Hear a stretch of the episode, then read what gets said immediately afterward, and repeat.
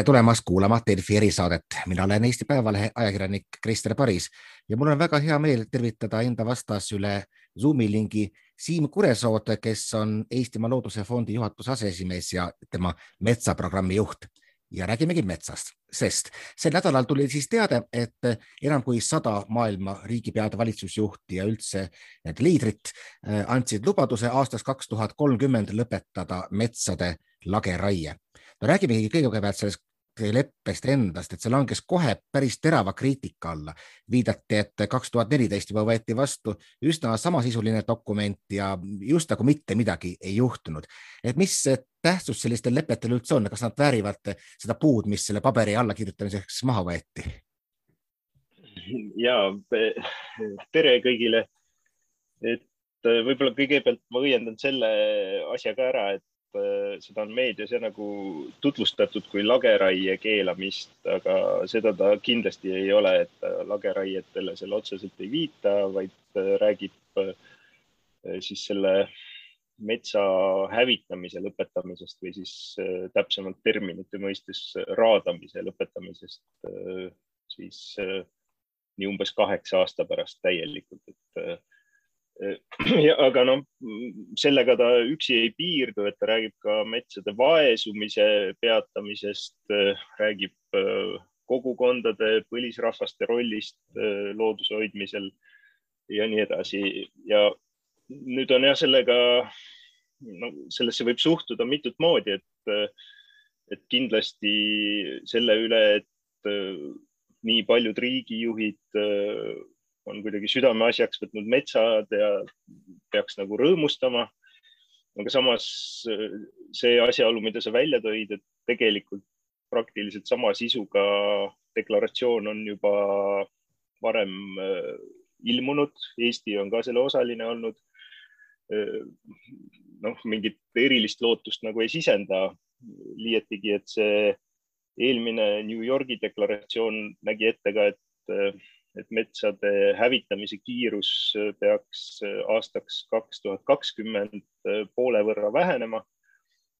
mida ta ei teinud, vaid pigem kasvas selleks ajaks, nii et see on nagu uus värske lubadus vana kohustuse täitmata jätmise juures. aga mida võib-olla ka veel silmas pidada, on see,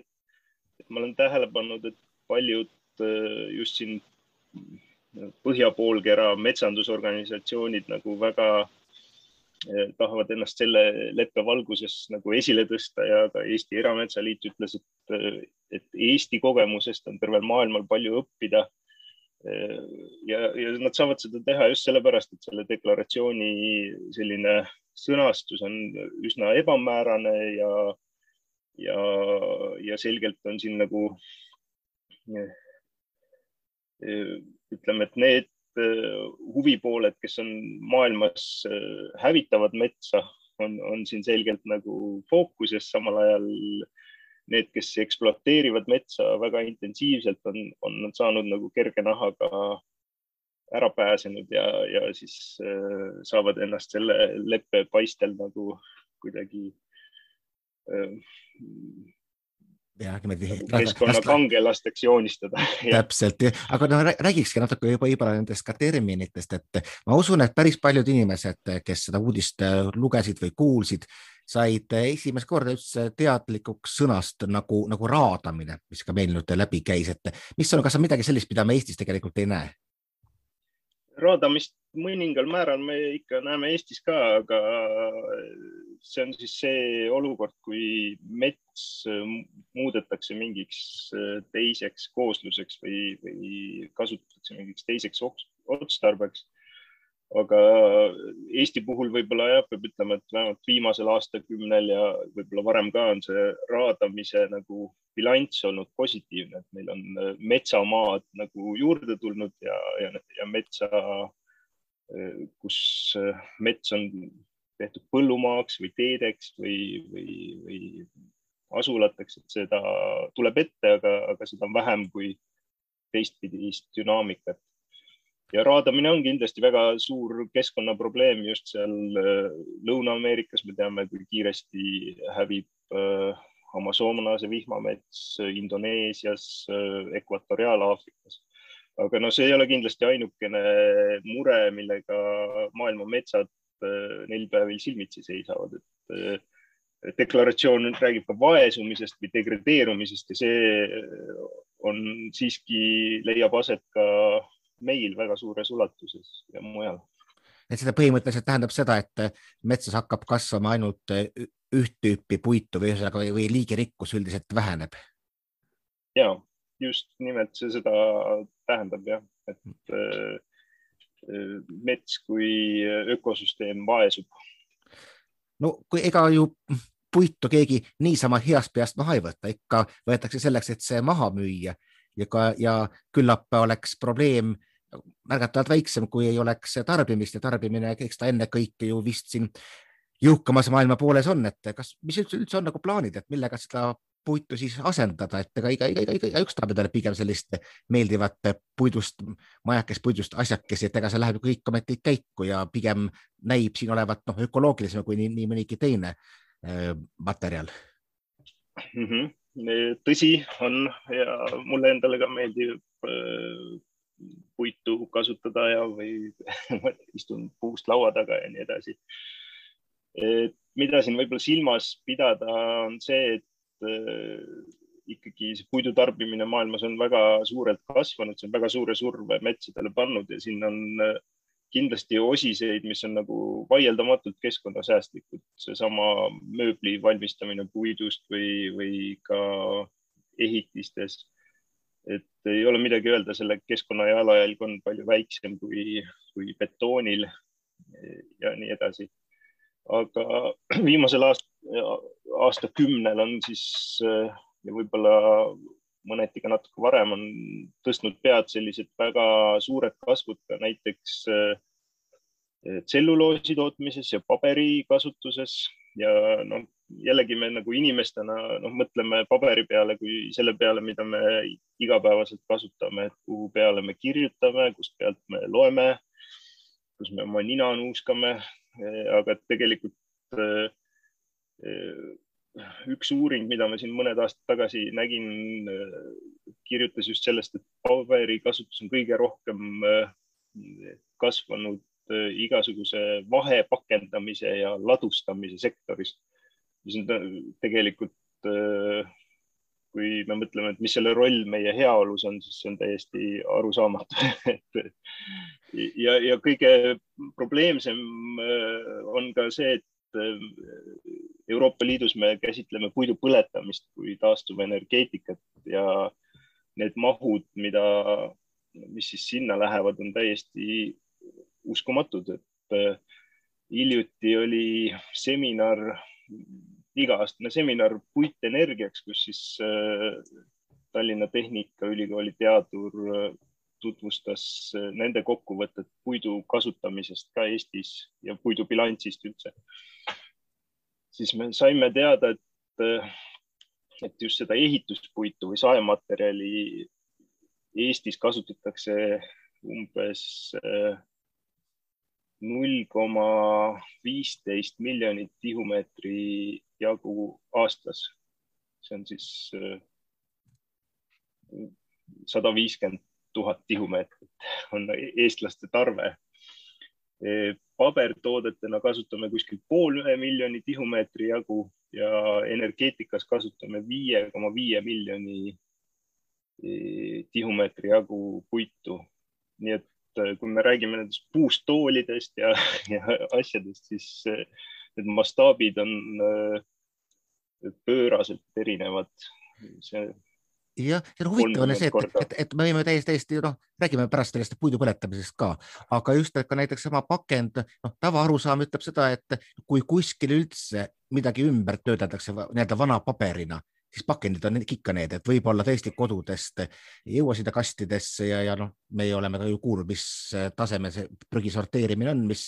ka sorteeritud prügiga juhtub, aga et kõik need pakendid, need ometi ju suurem osa rändavad tagasi kuhu, kuhu, kuskile tehasesse, et miks see tarve nii palju tõuseb? jah, täpselt ei oska öelda, ilmselt on need globaalsed tarneahelad on muutunud keerulisemaks ja kaubad liiguvadki rohkem ja neid pakitakse rohkem ümber palju kordi, aga igal juhul see oli jah üllatav teadmine, et näiteks Ameerikas on juba see tarbepaberi kasutamine on languses, sest paljud eh, asjad, mis vanasti olid raamatute või kirju vahetati paberil, et siis need, need asjad on nagu ära kadumas ja, ja, ja, ja pead tõstab just see pakendamise pool. aga võtame ette just selle, mis ka Eestis tekitas väga palju Ehm, ütleme tuliseid tundeid ja, ja pärast pikki vaidlusi ikkagi Riigikogu andis eh, loa kasutada siis bio, bio, biomassi, ütleme eh, elektrijaamades ja kui ma vaatasin neid mingisuguseid arve, siis eh, tuleb välja, et ega Eestis endas seda biomassi nii palju ei olegi, et pigem tuuakse raiejäätmeid ja ehitusjäätmeid sisse ka teistest riikidest, et siin meil elektriks teha. et noh, mis on paha selles, kui jäägid, mis muidu läheksid võib-olla, ma ei tea, mis saaks, pandaks metsas tuli otsa äh, lõkkes, et kui nad jõuavad äh, kuidagi kasulikult siis elektri tootmisesse mm. -hmm. kui me räägime päris nendest nagu puidujäätmetest või äh, asjadest, mis on olnud mingil muul moel kasutuses ja on nagu enam niimoodi tarvitatavad ei ole, et neid saab materjalina uuesti kasutada, siis selle vastu ei ole ka keskkonnaühendused, et taburet, millel on jalg ära murdnud, et sellest võib toota ka energiat küll. kui me räägime sellest metsanduslikest jääkidest, siis see on juba natukene nagu keerulisem teema, et eh, ka jällegi üks Euroopa Komisjoni tellitud selline mahukas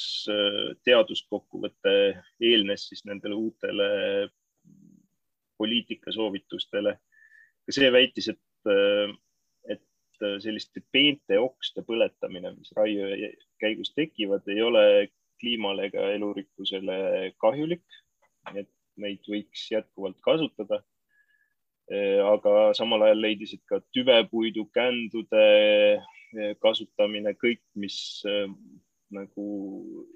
mahitab täiendavat raiet, on kliimale, elurikkusele ohtlik ja, ja lihtsalt see probleem on seal see, et, et kui me nüüd ütleksimegi seaduse tasandil, et oksi võib põletada, siis äh, selle rakendamine noh,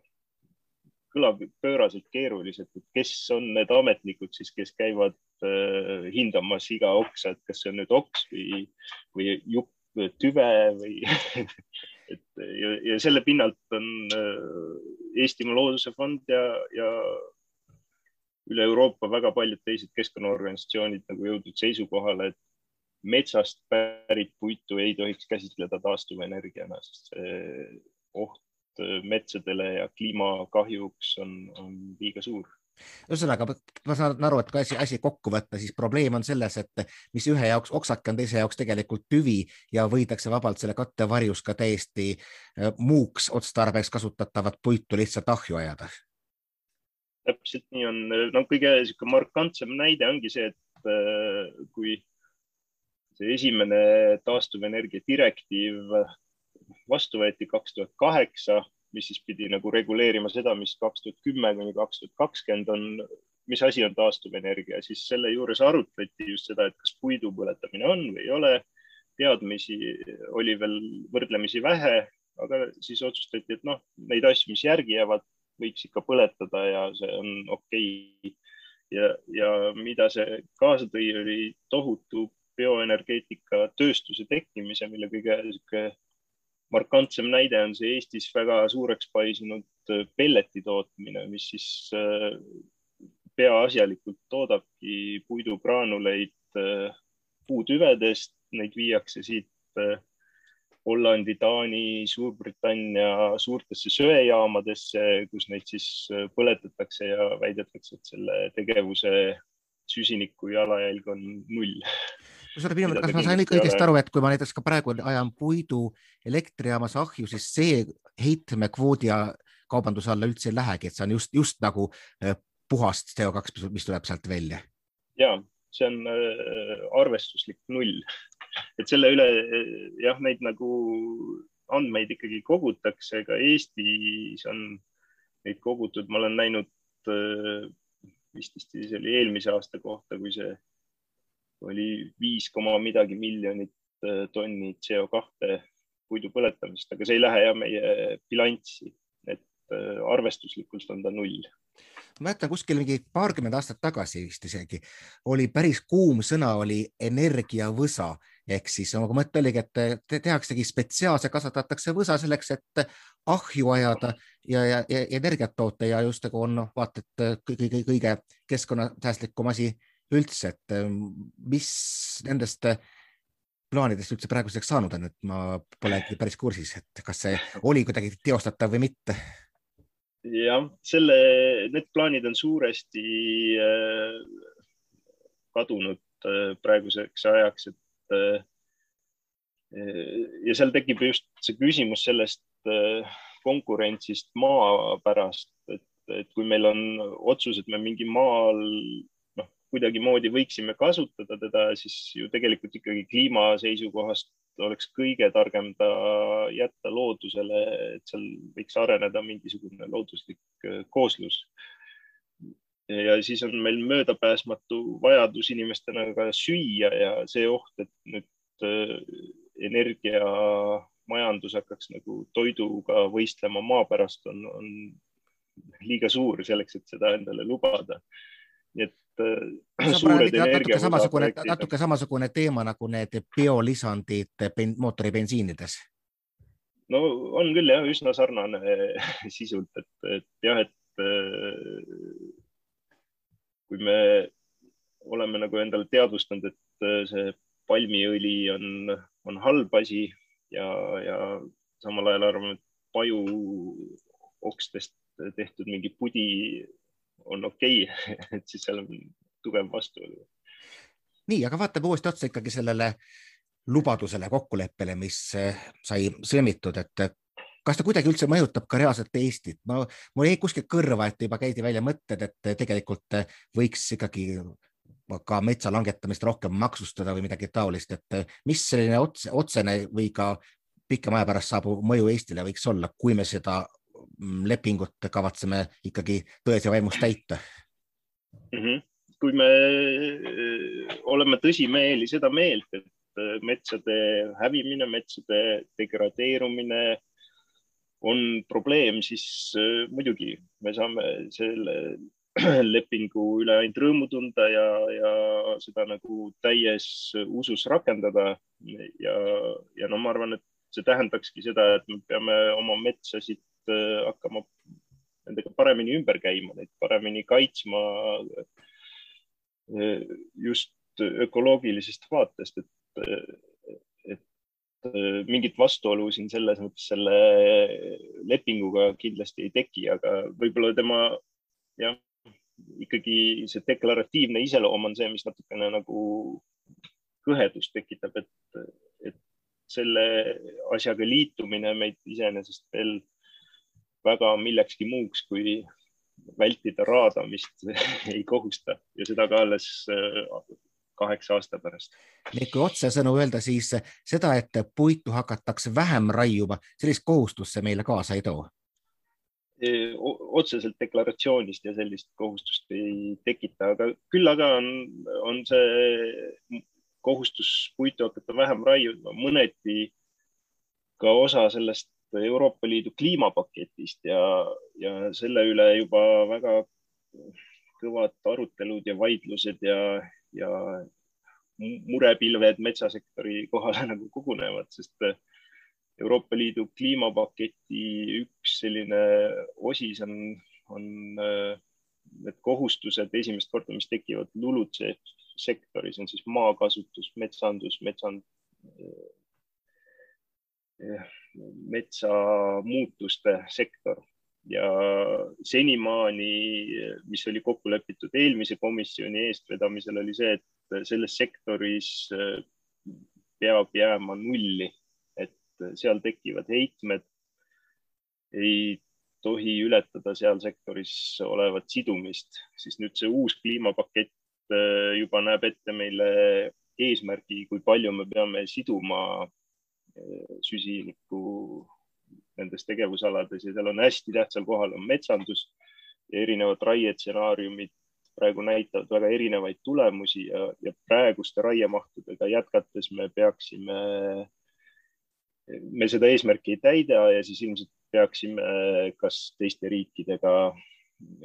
kauplema seda kvooti, ostma kuskilt või me peaks mõne teise sektoriga mõningal määral, et kauplema, nii et meie, ma ei tea siis,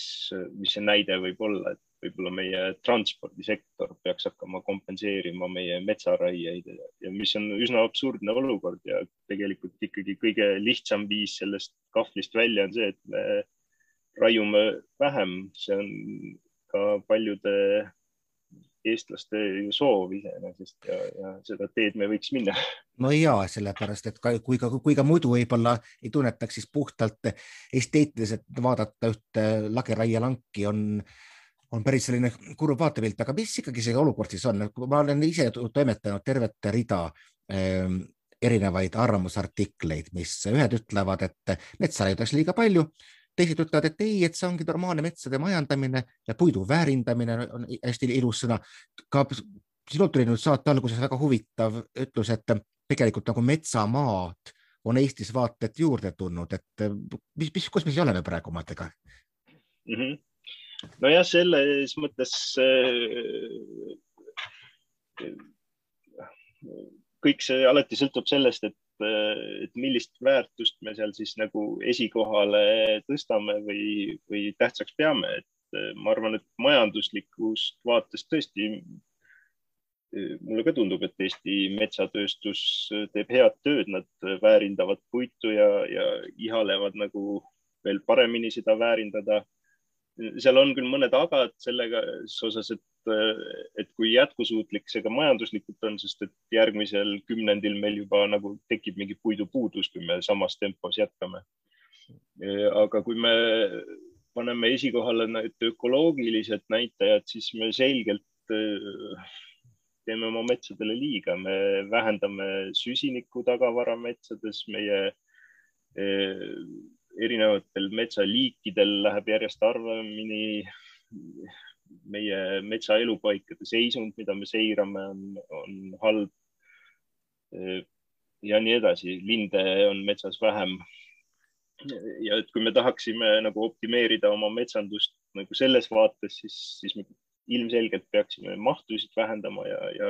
ja ka paremini loodusväärtusi leidma ja kaitsma aga ikkagi see metsamaa juurde tuleks, see lihtsalt tähendab siis seda, et neid metsi me hakkame metsana alles tunnetama paarikümne aasta pärast, mis praegu juurde tulevad. jah, see on üks, võib-olla üks juur ka selles, et miks me üksteisest aru ei saa, kui me metsast räägime ühiskonnas, sest et definitsiooni järgi on, eh, on ka lageraielank on metsamaa. see ei muutu tema sihtotstarve ei muutu, nii et kui me räägime, et meil on mingi hulk äh, metsa Eestis, siis see sisaldab ka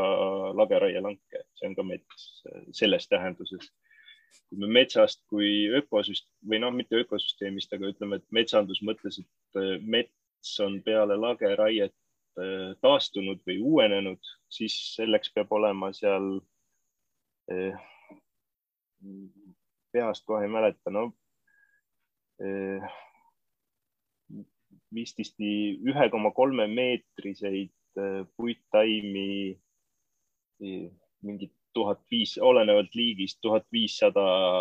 hektari kohta, mis siis tähendab, et ühel väiksel vitsakesel peab olema siis seitse ruutmeetrit. Äh, seitsme ruutmeetri kohta on üks väike vitsakene, siis see on juba taastunud äh, mets. aga see, et kuidas inimesed nagu mõtlevad metsast, on hoopis midagi muud, et me kujutame ette, et kui me sellises vaarika tihnikus oleme, et see ei ole mets see ei kutsu seda metsaks. ja noh, iseasi on veel, kuidas äh, metsa elusloodus nagu seda tunnetab, et äh, meil ei ole, ma ei tea, laanepüü ei, ei liigu ringi sellises äh, madalas kuuseistandikus või, või eriti, eriti erinevad äh, samblikud ja seened on, kes on väga-väga tundlikud selliste häiringute suhtes ja väga kiiresti kaovad ja, ja neid jääb vähemaks, nii et see on üks konks seal jah, kuidas me, mida me mõtleme selle all, kui me ütleme, et mets. See on päris huvitav mõttetera, millega ka praegune jutuajamine kokku tõmmata, ehk siis kõigepealt tuleks kokku leppida üldse ähm, terminites ja teinekord võib-olla polegi võimalik kokku leppida, et tunnetus, inimesed tunnetavad ju kõike täiesti ka, ka erinevalt. no igal juhul suur aitäh Eestimaa Looduse Fondi juhatuse aseesimees ja metsaprogrammi juht Siim Kuresoo. mina olen Eesti Päevalehe ajakirjanik Krister Paris. vaatame siis, kuidas läheb maailma liidritel oma lubadustest kinnipidamisega. meiega kohtume teiega taas uutes erisaadetes.